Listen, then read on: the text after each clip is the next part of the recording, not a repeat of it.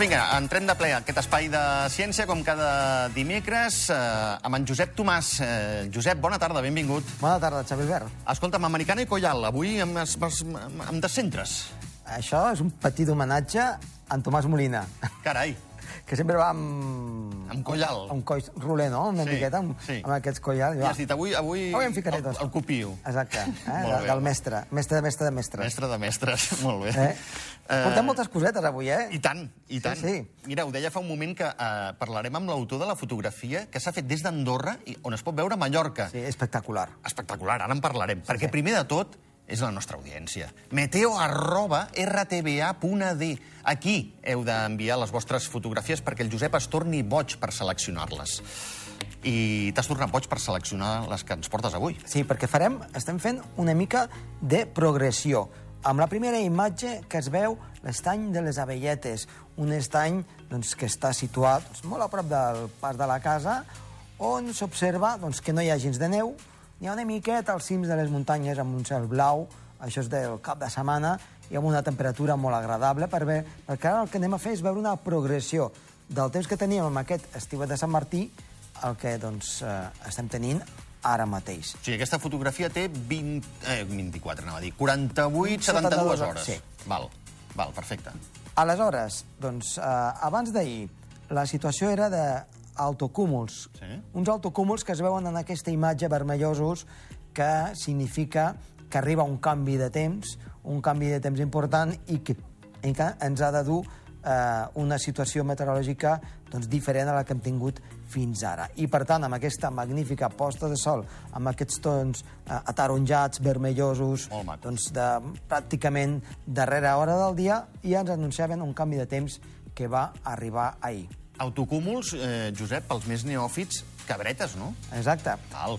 Eh, quan al cel hi ha cabretes, al terra hi ha... Pastetes. I què és el que està passant? Doncs anem a veure amb la Vinga. tercera imatge. Amb Molt aquesta bé. darrera imatge, en aquest cas, doncs, eh, des de la zona eh, dels plans de Canillo, d'aquest matí, doncs, el que veiem és tot el paisatge ben nevat, un, un paisatge on els gruixos de neu es van incrementant i Xavi Albert tenim molt bones notícies perquè al llarg d'aquests propers dies fem una miqueta doncs, de, del que ha d'anar- passant al llarg d'aquests propers dies, a part de les precipitacions d'avui, Sí. que ja acumulen doncs, més de 30 centímetres a les zones més elevades, Carai. al llarg d'aquests propers 15 dies ens arribaran més nevades i les temperatures no pujaran massa, fins i tot podran baixar una mica més. Per tant, bones notícies per començar la temporada. Eh? Home, dos factors que juguen molt a favor de que aquesta puríssima eh, tinguem la neu garantida, no? Jo crec que sí. Val. Crec que sí. Amb la Val. situació que hem vist a més llarg termini, eh, les, doncs, podria estar garantida i amb força neu. És que has vist, no?, com cau el pont, per no dir aquaducte, a Sí, l'estat sí, sí, espanyol. sí, sí. Vull dir, escolta'm, Ah, a partir de si tenim dimecres- neu, serà fantàstic, això. Fantàstic. Serà fantàstic. Uh, molt bona notícia. Va, dels plans de Canillo cap a un vídeo. Un vídeo, un vídeo que en aquest cas és del Marc Bret, que és uh, uh, aquesta persona que ha fet un vídeo des de Montmelús on es veu a primera hora del dia Sí. doncs, uh, Mallorca, que està a més de 300 quilòmetres de distància de, de casa nostra, i en línia recta, amb un dia fantàstic, a primera hora del matí, quan sortia el sol, doncs es veia una petita silueta que era justament doncs, la serra de Tramuntana amb el Puig Major, que és el cim més alt de Mallorca. I clar, vam quedar tots molt impactats. Home, la veritat és que sí. La veritat és que jo que no... al primer moment costa de creure i tot, sí, eh? Jo no m'ho hagués imaginat. Sí que nosaltres tenim una cama del Carroi que eh, es pot observar en dies molt nítids la serra de Prades, mirant cap al sud, eh, les estribacions de les zones d'Organyà, potser una mica més enllà, no? com diem, fins a la serra de Prades. Però tan lluny, això, doncs, eh, veritablement ens ha deixat molt impressionats. Escolta'm, eh, ja que ens ha deixat tan impressionat, ja que estem tots bocabadats, esvaperduts i corpresos amb aquesta fotografia, què et sembla si parlem amb l'autor de- d'aquesta imatge, amb Marc Bret, que el tenim eh, aquí, el, ara, ara el veiem. Eh, Marc, bona tarda, benvingut. Bona tarda. Eh, Bon migdia i bona tarda. Prim- bona tarda. Primer de tot, Marc, eh. Primer de tot, Marc, si em permets... Veure, eh, molt interessant el programa. Gràcies. quines, quines són les condicions... Imagino que es pregunta... Si, si, ja m'ho dic jo mateix, eh, Marc, de tonto, eh, però te l'he de fer. Quines són les condicions que s'han de donar per veure Mallorca des d'Andorra. Imagino que un dia molt nítid... Sí, sí, evidentment. Veure, hi ha, hi ha tota una sèrie de, de factors que no, se, no sempre són els que la gent en sol entendre que propicien bona visibilitat. Perquè, o sigui, no sé, a Catalunya és molt típic considerar, per exemple, que la tramuntana eh, és un vent que, que és molt net i, i tot plegat, no? Però, per exemple, eh, quan arriba a Mallorca mm, provoca molta nuvolositat, molts cúmuls, no? Els, els, a, a, quan arriba el vent doncs, fa aixecar els cúmuls, és un, és un vent una miqueta inestable, mig aire fred, et deixa a propiciar bastanta convecció. En canvi, en altres vents, el vent de, els vents més aponentats doncs, solen ser molt més favorables. A més a més, són vents més calents que ja tendeixen a, a fer un, una secada important de, de, tot, de tots els relleus. Escolta'm... I, i, sí, bueno, hi ha molts factors, eh? podria, podria explicar més. M'ho imagino, m'ho imagino. Escolta'm, eh, t'he de preguntar el truc, com ho prepares, això? Com, com es pot veure des d'Andorra a Mallorca? Bueno, a veure, jo fa anys que, que estic amb aquests temes que m'agrada fotografiar siluetes distants i tot això, a més m'apassiona la meteorologia, doncs, i de la unió d'aquestes dues passions, diguéssim, doncs, quan va, va sorgir això, no? I, i bueno, ja en, quan em vaig plantejar veure quins, quin, quins, quins eren els talleus més distants de molts, des de molts indrets del món, doncs, bueno, mm, clar, des del Pirineu hi ha moltes opcions vàries, no? I, i entre elles, doncs, clar, sé, sé que es, pot, es, podia, es podia veure les Illes Balears des, de, des del Pirineu, bueno, en concret Mallorca, i bueno, ja ho havia fotografiat des del Puigmal i des d'algun altre lloc i, i pensava, ostres, algun dia pues, ja m'agradaria anar a Andorra i fotografiar-ho des d'allà, no? I, i, bueno, i, quan, i com generalment endevino força eh, quan es donen aquestes circumstàncies meteorològiques que afavoreixen la, les visions de Mallorca. De fet, jo habitualment des de la, des de la zona de Barcelona i d'altres llocs eh, vaig a, a retratar l'illa quan, quan sé que, que es veurà, no? I, bueno, i això pues, bueno, em feia especialment il·lusió. Vaig pensar, ostres, ja, ja toca a Andorra i fer una foto des, des d'allà. Doncs, Marc, moltíssimes gràcies per aquestes imatges que ens has sí. Deixat veure a la resta dels mortals, perquè ens han impressionat moltíssim, eh? sobretot el que ens agrada la meteorologia. I a mi m'agradaria saber com t'arriba aquesta afició i si té algun nom en específic. I després que m'expliquis, eh, si nosaltres ho volem fer, quina càmera ens hem de comprar? Eh, bueno, no, de fet, sí, sí, una pregunta que, que molta gent fa, que ens pensen que, que cal un tipus de càmera molt especial i tot això, i en absolut. A veure, si vols veure amb detall bastant bé, no, òbviament us interessa que sigui una, una càmera amb un gran teleobjectiu o bé una càmera d'aquestes que tenen un zoom molt potent i suficientment apta com perquè la foto no surti amb una certa qualitat. No? Però no, no cal cap supercàmera tampoc, ni, ni molt menys. Eh? De fet, la, eh, el que és veure-ho, mm, es veu avui directament la, la, la silueta de, del Puigmajor i del Massanella, d'aquests cims a Mallorca, doncs, o sigui, jo quan vaig arribar, quan estava, vaig arribar a les, a les 6 i quart de, sis i mitja aproximadament de la matinada al cim del Montmelús, i encara era fos, però la que va començar a clarejar una miqueta, mmm, ja, ja vaig veure el perfil, abans de treure la càmera i tot plegat, eh? Vull dir, és una coseta que, que, bueno, que si t'hi fixes, doncs, doncs es veu. Em, ens podríem preguntar com és que no hi ha no, molta gent, perquè hi ha molta gent que, que òbviament puja a les muntanyes no? a, a totes hores, no? I, i, i gran part d'ells doncs, doncs, tenen, els agrada mirar paisatges distants i, i clar, i penso, ostres, és possible que, que algú pues, segurament hagi vist Mallorca des de lluny, no? I, però clar, el que passa que cal saber què és Mallorca, no? Perquè quan mires, mm, quan mires l'horitzó, el, el mar ben bé no s'aprecia, no? Avui, no?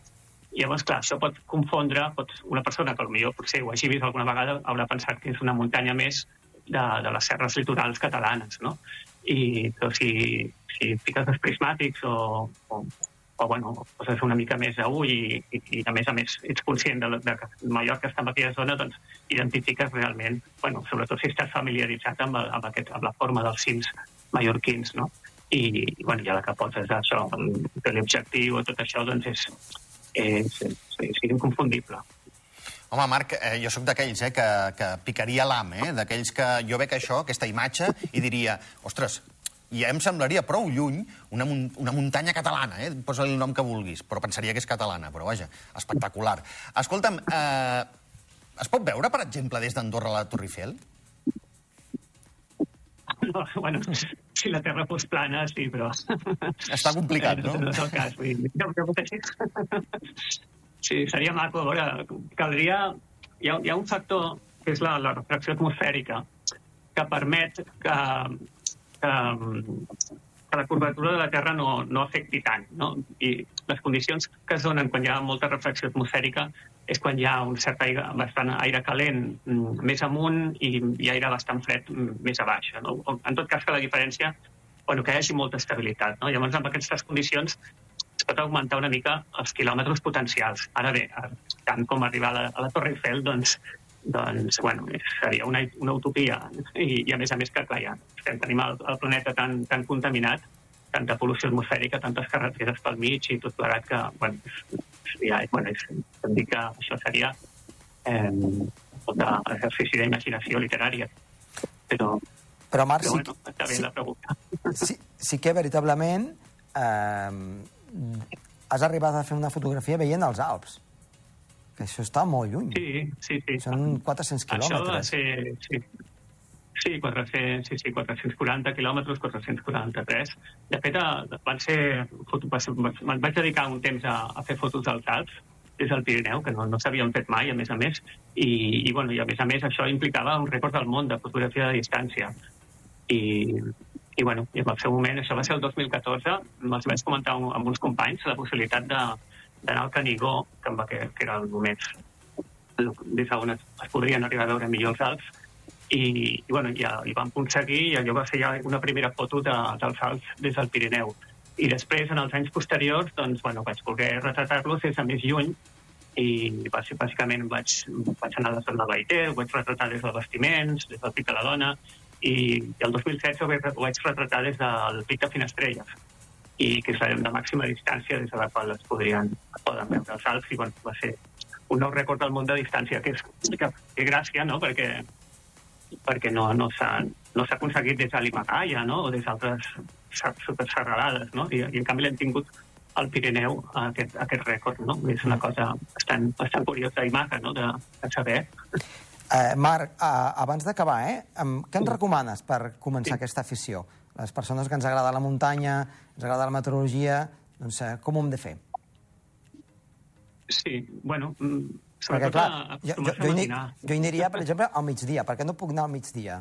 Eh? I, Bueno. i s'ha d'anar a primera hora del matí. Migdia... Clar, al migdia el que passa és que o sigui, un, un dels grans factors rellevants amb, amb tot això eh, és la llum, no? O sigui, a part de la, meteor, la meteor, meteorologia pròpiament dita en si, doncs la llum. Llavors, eh, què passa? Imagina't, per exemple, vegades poso aquest exemple, que estàs en una escena, en un escenari de, de teatre, no? I, I la llum sol estar a dalt, a- al fons de tot, no? I entremig solen apagar les llums, no? És perquè es vegi millor el, els personatges, el contrast, no? En canvi, si, si poses la llum a, a prop i, o la poses per tot arreu, no destaca tant el que, el que vols veure a la llunyania. Bueno, de, de fet, també passa uh, si vols veure estels, no? És a dir, les estrelles quan, quan es veuen, quan és, quan és de nit, quan és de dia no, perquè quan és de dia doncs, hi, ha, hi ha tanta llum uh, a prop que, que, bueno, que és la llum, parà, llum paràsita, que es diu i això dificulta pues, a, que es puguin veure siluetes, siluetes llunyanes. I és això, és, és com, és com, com, un, com un escenari molt llunyà, il·luminat des de, de l'altra banda, no? Llavors això provoca un contrast ben notable. Uh, hi ha factors meteorològics que, que afavoreixen això, no? Si, si hi ha, per exemple, si hi ha humitat, de fet, si hi ha humitat a les capes altes atmosfèriques, si hi ha cirrus, per exemple, cirrus, cirrostrats, etc., uh, sobretot quan abans surti el sol, uh, són núvols que tendeixen a, a reflectir molt. Llavors això crea un efecte pantalla en el qual pues, les siluetes distants queden més, eh, ressalten més, no? Sempre i quan hi hagi molt aire net també entremig, òbviament. Hi ha una suma de, de molts factors. Marc Bret, eh, moltíssimes gràcies per aquestes explicacions tan, tan acurades eh, i, escolta'm, que ens ha fet molta gràcia veure aquesta imatge de Mallorca des d'Andorra i parlar amb l'home rècord des del pic de les Finestrelles fins als Alps. També hi ha una fotografia que és, és rècord. Eh, fantàstic, eh, Josep, amb sí. Marc? Moltes gràcies, Marc, eh? Ens ha, ens ha encantat. Gràcies a vosaltres. Si voleu, un altre dia us explico més detalls. Perfecte, Vinga, fantàstic. Gràcies. gràcies. Marc. Una abraçada. Eh, hem de posar el punt i final a l'espai amb el llibre. Doncs sí, eh, mira, molt ràpidament. Eh, petita guia de meteorologia, eh, un llibre de butxaca que es pot trobar a totes les llibreries, en el que el que es destaca és una mica doncs, eh, el que hi ha eh, a la nostra atmosfera, una mica les diferents capes de l'atmosfera, els tipus de núvols, segons quin tipus de núvols el temps que pots fer de manera immediata, i també t'explica, per exemple, els tipus de fronts, front càlid, eh, doncs, eh, front fred, eh, anticiclons, i totes, diguem-ne, aquells conceptes bàsics de meteorologia i que tu, tu pots anar pel carrer i dius, "Os- mira, aquells eh, autocúmuls que veien, doncs aquí estan fotografiats i t'explica una miqueta doncs, el tipus de temps que et pots trobar eh, directament. És una guia, doncs, si t'agrada eh, la meteorologia, per tenir-la sempre a la butxaca. Doncs vinga, va. Eh, petita guia de meteorologia. Josep, tinc una mala notícia. Em sap Digue'm. greu. Dos amb 58. Ai, Dos pensava- em pensava que eren 500 Estàs baixant... Haurem, haurem de, de recuperar-nos, eh? perquè 2 en 58 és molt poc. Eh? És molt poquet. Josep, gràcies. Que vagi La propera. I a tots vosaltres. Per vosaltres sí que tinc una molt bona notícia. Parlem del 25N. Ho fem amb, Montse amb Montserrat Ronxera i Maria Àngels eh, Tagarro. Eh, a més, tindrem a la Maria Lucena en directe des del carrer i amb Mireia Porres. Tornem de seguida. Fins ara.